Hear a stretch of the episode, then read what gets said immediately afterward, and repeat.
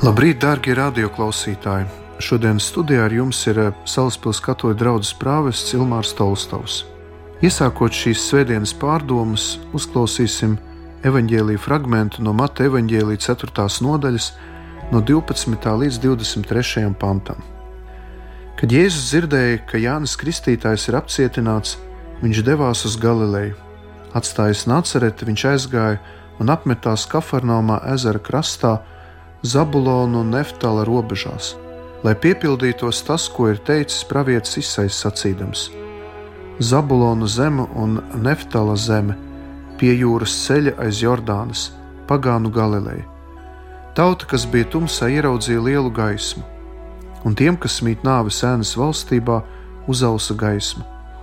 No tā laika Jēzus sāka sludināt un sacīt: Atgriezieties no grēkiem, jo debesu valstība ir tuvu.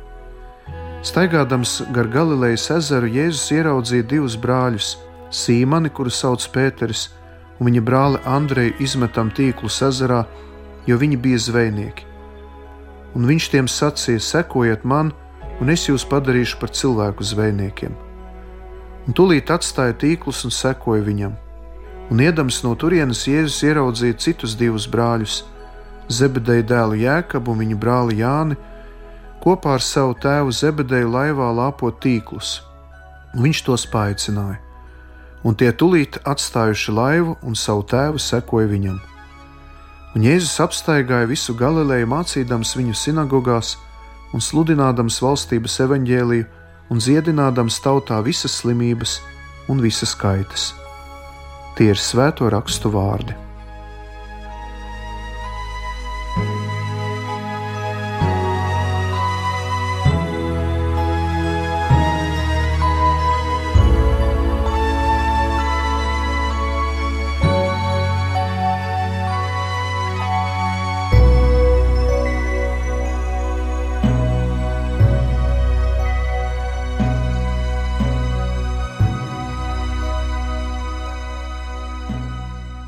Darbie radioklausītāji! Šodienas evanģēlīja fragmentā dzirdējām, ka Jēzus dodas uz Galilejas ezeru, lai piepildītos pravietojums, kurš tika dots jau vecajā derībā. Jēzus pazīst Dievu vārdu. Jēzus, tāpat kā visi izrēlieši, jau no agras bērnības lasa Toru, jeb vecās derības likumu. Sinagogā, ebreju svētnīcā un savā ikdienas dzīvē viņi dzīvo no Dieva vārda. Līdz ar to Jēzus, būdams Dieva dēls, piepilda vecās derības pravietojumus, un pats būdams iemiesotais vārds, sludina vārdu. Un vēlāk šie Jēzus sludinātie vārdi tiek apkopoti evaņģēlijā un vēlāk jaunajā derībā. Tā dzimst Bībele. Pāvis Francis šo svētdienu pirmo reizi ir veltījis Dieva vārdu Bībeles apcerē. Tādēļ šodienas pārdomās mēģināsim saprast, Kā līdz mūsdienām ir nonākusi šī dievišķa atklāsme, jeb labā vēsts par Jēzu, un kāpēc ir tik svarīgi ikdienā lasīt Bībeli Dievu vārdu? Apostolis Pāvils pirmajā vēstulē Timotejam uzsver: Dievs grib, lai visi cilvēki būtu atpestīti un nonāktu līdz patiesības pazīšanai. Tādēļ jau kopš neatminamiem laikiem praktiski visas pasaules tautas mēģināja ar dažādu reliģisku aktu palīdzību nonākt kontaktā ar dievu vai dievībām. Katoliskā baznīca īpaši pēc Vatikāna otrā koncila māca, ka nav nevienas reliģijas, kurās kaut nepilnīgā veidā nebūtu klātesoša dieva atklāsme. Dievs sevi jau atklāja radīšanas brīdī un savu radību, bet turpina un turpināja sevi atklāt caur dažādām reliģijām visā pasaulē. Tur, kur ir reliģija, tur ir attiecības ar Dievu, Kaut arī šajās reliģijās dieva idejas vai izpratnes līmenis ir nepilnīgs un izkropļots. Ja apustulis Pāvils vēstulē romiešiem raksta, kopš pasaules radīšanas viņa neredzamās īpašības, gan viņa mūžīgais spēks, gan viņa dievišķība ir skaidri saskatāmas viņa darbos. Dievs sevi vēlas atklāt, un jau viņa radītajā pasaulē redzama dieva klātbūtne. Tomēr īpašā veidā Dievs sevi atklāja vecajā derībā caur vienas tautas Izraēlas starpniecību. Dievs izvēlējās konkrētus cilvēkus - Ābrahamu, Īzaku, Jēkabu, Mūzu, visu Izraēļu tautu, lai atklātu sevi, un šī atklāsme konkretizējās un realizējās vēsturē. Tomēr visā pilnībā Dievs sev atklāja Jēzu Kristu, vienpiedzimušajā Dieva dēlā, kurš iemiesojās, pieņemdams cilvēka veidu, kļūdams patiesa Dievs un patiesa cilvēks. Visa Jēzus Kristus dzīve bija vērsta uz to, lai atklātu tēvu, precīzāk, lai atklātu patiesību par trīsvienību un atklātu cilvēkiem, ka Dievs vēlas viņus, katru no mums individuāli, bet arī baznīcas kopienas ietvaros glābt un pestīt. Šodienas evanģēlīja fragmentā Jēzus vienā teikumā apvieno visu svarīgāko vēsti, ko Dievs vēlas mums pateikt. Atgriezieties no grēkiem, jo Dieva valstība ir tuvu. Jēzus Kristus personā Dieva valstība ir nonākusi šeit uz zemes. Jā, šeit, Latvijā, katrā mūsu pilsētā, ciematā, katrā mūsu mājā un arī mūsu sirdīs. Mēs tiekam aicināti nožēlot grēkus, atgriezties no vecās dzīves un ieticēt Jēzum kā Dievam. Tomēr, lai Jēzus vēsts, labā vēsts, nebeigtos līdz ar viņa šīs zemes dzīvi, Viņš savas publiskās darbības laikā izvēlas konkrētus 12 vīrus, nu, lielākoties zvejniekus vai arī citu profesiju strādniekus, no kuriem veido jauno Izrēli baznīcu, ieceldams Pēteri, pirmo pāvestu par baznīcas galvu. Jēzus dod varu saviem apstuļiem ganīt, mācīt un svētdarīt cilvēkus. Un nekur mēs neatrodam Jēzus pavēli rakstīt vai lasīt Bībeli. Tā laika cilvēki dzīvoja no Toras, no vecās derības, no likuma, no praviešiem. Jēzus laikos viņš pats, kā arī tā laika jūdi un vēlāk Jēzus mācekļi, lasīja un ticību izdzīvoja ar vecās derības tekstiem. Un kristieši lasīja vecās derības grieķu tulkojumu, kuru sauc par septogintu. Jēzus nevienu jaunās derības tekstu pats nebija uzrakstījis, jo viņš sludināja mutvārdos. Varētu pat teikt, viņam nebija laika, viņam bija jāsludina. Jēzus dibina baznīcu, ieceļot apstuļus, iedibina svētos sakramentus, pavēliet mācekļiem pa visu pasauli sludināt, mācīt visas tautas sacīdams: Ejiet un dariet par mācekļiem visas tautas, tās kristīdami tēva un dēla un svētā gara vārdā, tās mācīdami turēt visu, ko es jums esmu pavēlējis. Un redzi, es esmu pie jums ikdienas līdz pat pasaules beigām. Pēc Jēzus Kristus nāves pie krusta un pēc viņa goda pilnās augšām celšanās no miroņiem, augšām cēlies Jēzus satiek savus mācekļus, kuri ir izbijušies un zaudējuši cerību. Viņš viņus iepriecina, iedrošina un pavēla neizklīst, bet gaidīt svēto garu iepriecinātāju, aizstāvi, kurš viņiem visu iemācīs un arī būs galvenais jaunās mācekļu kopienas baznīcas vadītājs. Vasaras svētku dienā, saņemot svēto garu, mācekļi kļūst drosmīgi, līksmi un tiek apveltīti ar ārkārtējām dāvanām, jeb harizmām, un dodas sludināt evaņģēlīju visai radībai, un viņi dibina pirmās kristiešu draudzes. Jāuzsver, ka vēl nav uzrakstīta neviena jaunās derības grāmata. Apustuļu mācekļi no galvas zina veco derību vai tās daļas, to sludina, citē, un kā mēs vēlāk redzēsim, iekļaujas arī jaunās derības tekstos. Tomēr jau neilgi pēc augšām celšanās Jēzus satiek divus noskumušus mācekļus, kuri dodas atpakaļ no Jeruzalemes uz mazu ciematiņu, kuru sauca par Emausu. Mācekļi bija tik ļoti vīlušies, ka neticēja vēstī par Jēzus augšām celšanos, un tāpēc neatpazina Jēzu. Jēzus ceļā viņiem pievienojies, sākot no paša sākuma, skaidroja vecās derības rakstu vietas, kur bija minēts tas, ka nāks Mesija, un savā veidā sasaistīja vecās derības pravietojumus un apsolījumus ar Jēzu Kristu, kurā šie pravietojumi ir piepildījušies.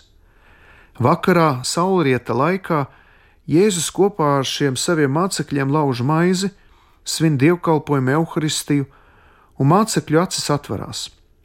Viņi atpazīst Jēzu. Šo epizodu varam lasīt Lūkas evanģēlī 24. nodaļā.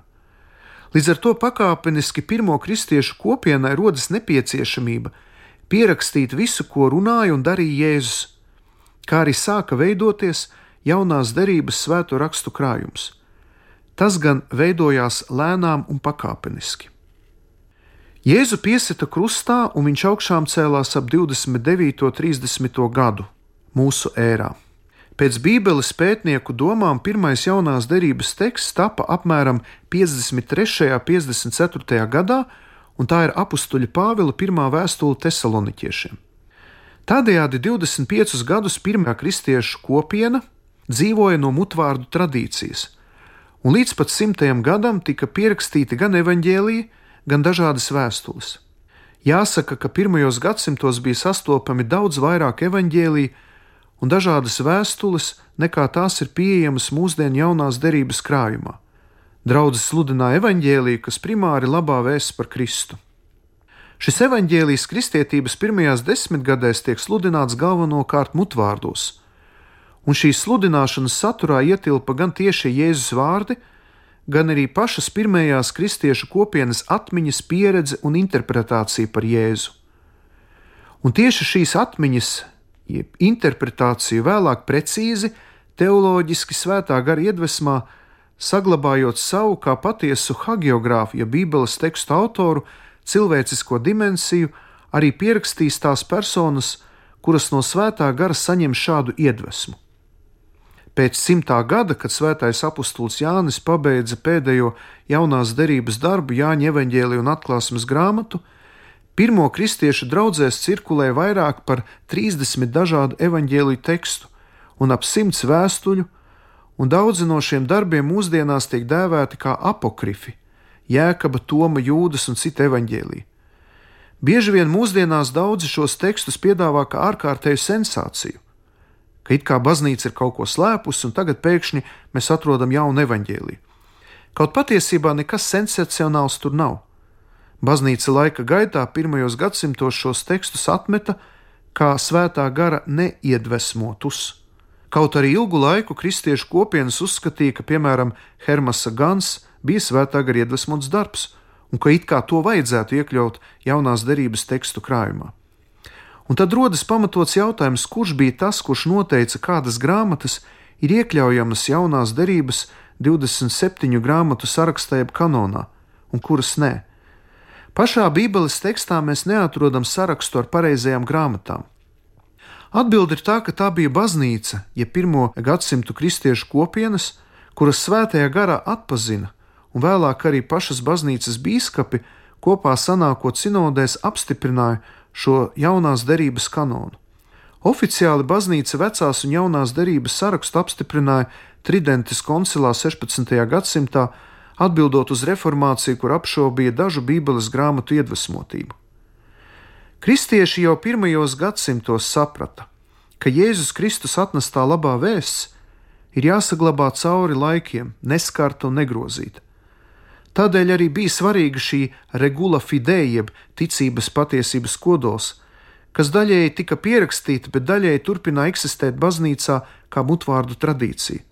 Tieši baznīcas tēvi bija tie, kuri līdz pat 7. gadsimtam precizēja, slīpēja un noteica baznīcas ticības pamatus. Jo Bībelē mēs tiešā veidā neatrodam norādi par trīsvienību un daudzām citām ticības patiesībām. Bībelē mēs neatrodam arī kredo, jeb nīkais Konstantinopolis vai arī apstuļu ticības apliecības. Visas šīs patiesības, ko pieņem un sludina baznīca visos laikos, izriet no rakstiem. Tādēļ bija nepieciešami ekumeniskie koncili, kuros šīs patiesības tika apstiprinātas. Tieši pāvests kopā ar pārējiem biskupiem bija garants tam, ka patiesā ticība netiks sagrozīta, un ka raksti, ja Bībele, tiks pareizi atbilstoši baznīcas ticībai interpretēta. Lai evaņģēlijas baznīcā vienmēr tiktu saglabāts neskarts un dzīves, apstuļi par saviem pēctečiem atstāja biskupus un uzticēja viņiem šo uzdevumu rūpēties par ticības pareizību un arī par to, lai svētie raksti pie mums nonāk tādi, kādus tos deva Jēzus. Šo dzīvo atklāsmes tālāk nodošanu, kas tiek īstenot svētajā garā, sauc par tradīciju, lai atšķirtu to no svētajiem rakstiem, kaut arī tā ir cieši ar tiem saistīta. Tātad svētie raksti un baznīcas tradīcija ir vienots veselums, kas viens otru papildina un viens no otra izplūst. Jāsaka, ka līdz pat 16. gadsimtam, kad tika atklāta drukas iekārta, Bībeles tekstu smūki klosteros pārrakstīja roku, un šie teksti bija pieejami tikai biskupiem un augstu izglītotiem teologiem. Vienkāršā tauta Bībeles tekstu zināja no galvas, jo senos laikos, kad nebija interneta un daudz drukātu grāmatu, daudzas patiesības, tā skaitā arī tautas kultūras bagātības, piemēram, dainas, dziesmas, tika tālāk nodotas caur tautas un cilvēku atmiņu mutvārdos. Cilvēki dziedāja reliģiskas dziesmas, kuras bija ļoti garas un ietvēra dziļas patiesības par dievu un viņa pestīšanu. Arī baznīcas liturģija, dievnam arhitektūra, māksla, kultūra bija šīs dievišķās atklāsmes tālāk nesēja. Toreiz nevarēja iedomāties, ka katram mājās būtu nodrukāta Bībele, kuru cilvēks individuāli lasītu. Kopiena, ja baznīca, draugs bija tā ekskluzīvā vieta, kurā cilvēks saņēma ticību un nodeva to tālāk nākamajām paudzēm. Tāpēc jāuzsver, ka Bībele patiesībā dzīvo tieši kopienā. Protams, ka mums katram mājās ir Bībeles grāmatiņa, un viņa ir plauktā, varbūt daudziem no mums viņa ir noputējusi, bet tieši atnākot uz baznīcu, klausoties šo dievkalpojumu tekstu un klausoties dievu vārdu, dievkalpojumā mēs patiešām viņu sadzirdam un ienāk dziļi mūsu sirdī. Noslēgumā vēlos iedrošināt ik vienu klausītāju paskatīties savā grāmatu plauktā un pameklēt, vai tur nav bībele. Ja nav, tad vērts ir to sagādāt. Ja ir, tad varbūt tieši šis svētdienas rīts ir tas ekskluzīvais brīdis, kad mēs varam šo brīnumaino un svēto grāmatu atvērt. Jā, starp šīs grāmatas saturu un mūsdienām ir daudz gadu tūkstošu distance, tādēļ nav viegli to saprast un arī lasīt. Jā, Bībele satur dažādus literāros žanrus, stilus, arhaismus, semītismus, grieķismus un latīnismus.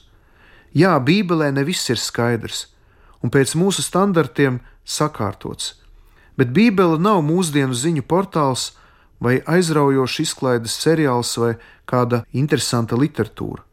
Lai varētu piedzīvot reālu satikšanos ar Dievu vārdu, ir nepieciešama pazemība, pacietība, ir jānoliek malā vēlme visu izprast ar prātu un izanalizēt, un visvairāk ir nepieciešama ticība. Tieši maizes laušanas brīdī svētdienas dievkalpojumā notiek brīnums. Dievs mums atklāja pats sevi caur savu vārdu. Liturģijas laikā satiekas Dievs un cilvēks viņa vārdā, Bībelē un sakramentā. Lūksim, lai mēs patiešām nebaidītos no Bībeles, lai mēs neskatītos uz viņu kā uz kaut kādu briesmīgu, sarežģītu grāmatu, bet lai mēs drosmīgi to atvērtu un ar mīlestību, pazemību un ticību meklētu atbildes uz jautājumiem, kas mums interesē, lai patiešām caur Bībeles lapus pusēm notiktu brīnišķīga, dziļa, personiska satikšanās ar Jēzu Kristu, mūsu vienīgo glābēju un pestītāju. Un tāpēc, noslēdzot šīs pārdomas, lūgsim, kā Jēzus mūs ir mācījis. Mūsu Tēvs debesīs, svētīts lai top tavs vārds, lai nāk tava valstība, tavs prāts, lai notiek kā debesīs, tā arī virs zemes. Mūsu dienascho maizi dod mums šodien, un piedod mums mūsu parādus, kā arī mēs piedodam saviem parādniekiem un neieved mūsu kārdināšanā, bet atpestī mūs no ļauna, jo tev pieder valstība, spēks un gods mūžīgi mūžos. Amen! Šajā svētkrītā kopā ar jums bija Salaspils draugs prāvests Ilmārs Tolstovs.